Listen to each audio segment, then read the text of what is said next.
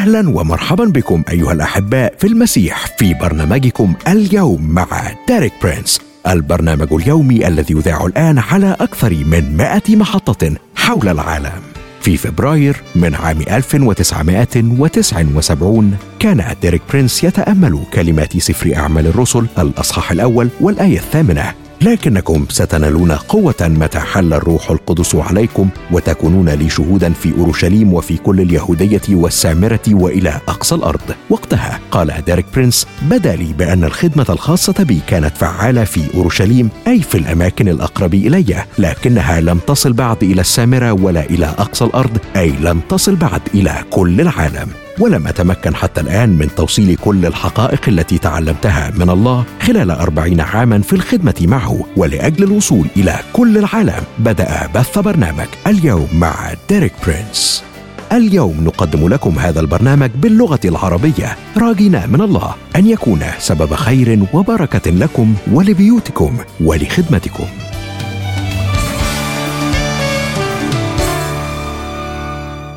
أهلا بيك صديقي المستمع في حلقة جديدة من برنامج اليوم مع ديريك برنس معك أشرف ومريم. أهلا يا مريم.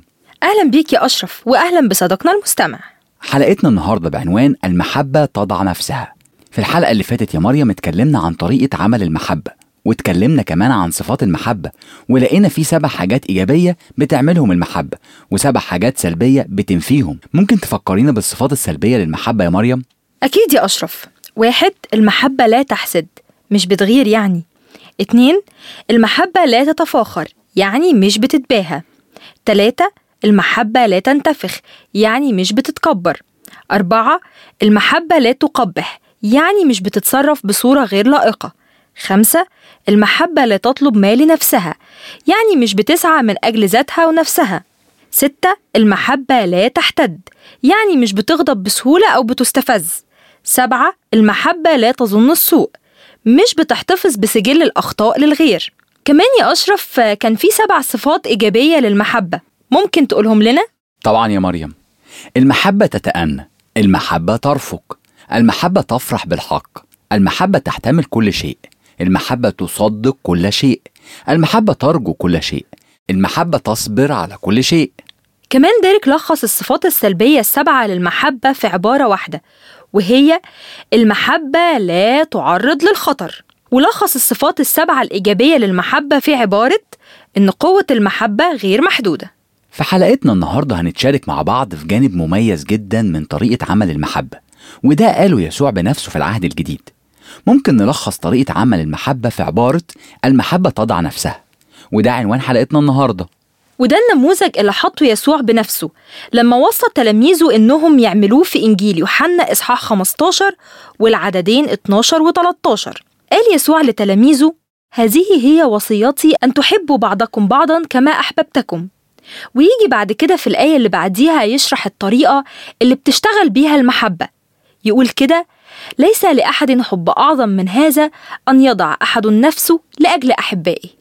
فجوهر النوع ده من المحبة إنها بتضع نفسها. لازم في الأول ناخد بالنا يا مريم إن المحبة مش اختيارية بالنسبة لينا كمؤمنين. يعني ما ينفعش نقرر إذا كنا عاوزينها ولا لأ. كلنا عارفين إن في حاجات كتير اختيارية في الحياة المسيحية. حاجات ممكن نعملها أو ما نعملهاش. لكن المحبة مش اختيارية. فبالنسبة لكل حد قبل يسوع رب ومخلص تكون المحبة أمر لازم.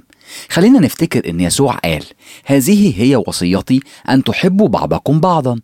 كمان يا أشرف لازم نعرف إن درجة ونوع المحبة المطلوبة منا مش متسابة لينا علشان نقررها لأن يسوع حط النموذج وما سمحش لينا أبدا بتغييره. أحبوا بعضكم بعضا. ولكن إزاي نحب وقد إيه نحب؟ يسوع بيقول كما أحببتكم وهي دي الوصية. أن تحبوا بعضكم بعضا كما أحببتكم. وبعدين يقول في الآية اللي بعدها ويشرح الطريقة اللي تعمل بيها المحبة. ليس لأحد حب أعظم من هذا أن يضع أحد نفسه لأجل أحبائه. فجوهر النوع ده من المحبة إنها تضع نفسها. وهنفهم أكتر يعني إيه تضع نفسها بس الأول تعالي نخرج نسمع ترنيمة ونرجع نسمع أكتر من ديريك يلا بينا.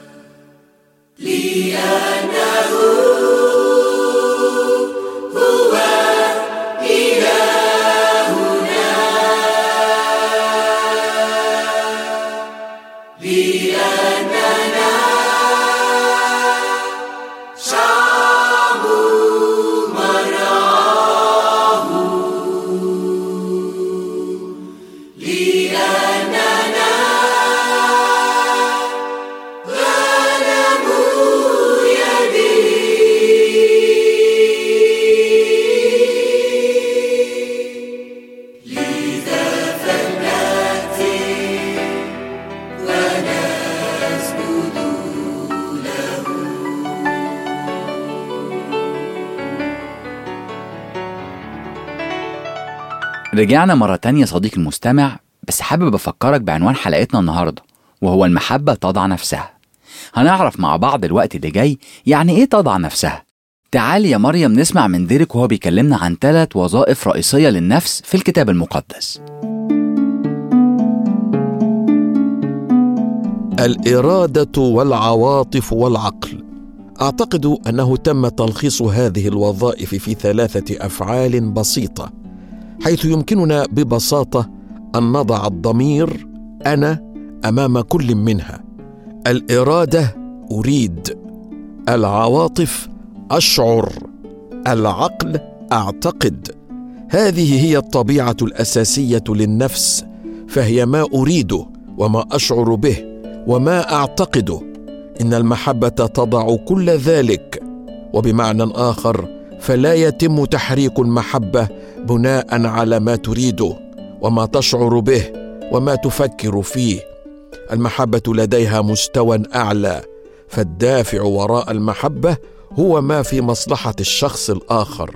وعندما يكون هناك تعارض بين ما هو جيد للشخص الآخر وبين ما تريده أو تشعر به أو تفكر فيه فإن المحبة تختار الشخص الآخر وتضع نفسها.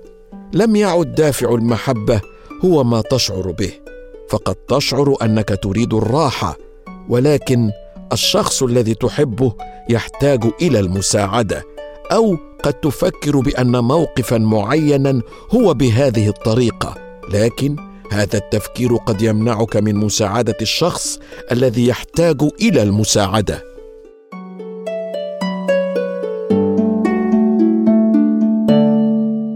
أعتقد بدأت توضح يا مريم. بالظبط يا أشرف. أنا فهمت إني مش بتصرف بناء على اللي أنا بعتقده أو على اللي أنا عايزه لكن حسب اللي محتاجه الشخص الآخر حتى لو تعارض ده مع رغباتي يعني مصلحة الآخر ليها الأولوية عن مصلحة نفسي. فأنا مش بتحرك بناء على اللي أنا عايزه أو اللي بشعر بيه أو اللي بفكر فيه. لما يكون خير الشخص الآخر هو المشكلة فمصلحة الآخر ليها الأولوية على نفسي. علشان كده المحبة بتحط نفسها الأول. في رسالة يوحنا الرسول الأولى بيبين برضو إزاي المحبة بتضع نفسها يا مريم. في إصحاح 3 والأعداد من 16 ل 20 بيوضح نفس الفكرة لما بيقول بهذا قد عرفنا المحبة أن ذاك وضع نفسه لأجلنا. واضح إن لو ما كانش يسوع جه وحط نفسه علشاننا ما كناش اختبرنا النوع ده من المحبة. لكننا عرفناه لأن يسوع جه وإدانا النموذج ده ووصانا بيه. كمان يكمل يوحنا ويقول فنحن ينبغي لنا أن نضع نفوسنا لأجل الإخوة. تعالى يا أشرف نسمع من ديرك ضرورة التزامنا تجاه محبة الله اللي ظهرت في يسوع. إن كنا قد تلقينا محبة الله فنحن ملزمون بإظهار هذه المحبة للآخرين وهذا ما يقوله يوحنا لقد وضع يسوع المسيح نفسه لأجلنا لذا يجب علينا أن نضع نفوسنا لأجل إخواننا. وهذا يتماشى مع ما قاله يسوع نفسه ليس لأحد حب أعظم من هذا أن يضع أحد نفسه لأجل أحبائه. لكن يوحنا يستمر في هذا الأصحاح الثالث من رسالته الأولى ليعطي تطبيقا عمليا للغاية واحيانا أخشى من أننا نوافق على الأفكار الدينية من دون الانتقال إلى التطبيق العملي الذي يعلمه العهد الجديد. لذا في الآية التالية بعد القول بأننا يجب أن نضع نفوسنا لأجل إخواننا يقول يوحنا وأما من كان له معيشة العالم ونظر أخاه محتاجا وأغلق أحشاءه عنه فكيف تثبت محبة الله فيه؟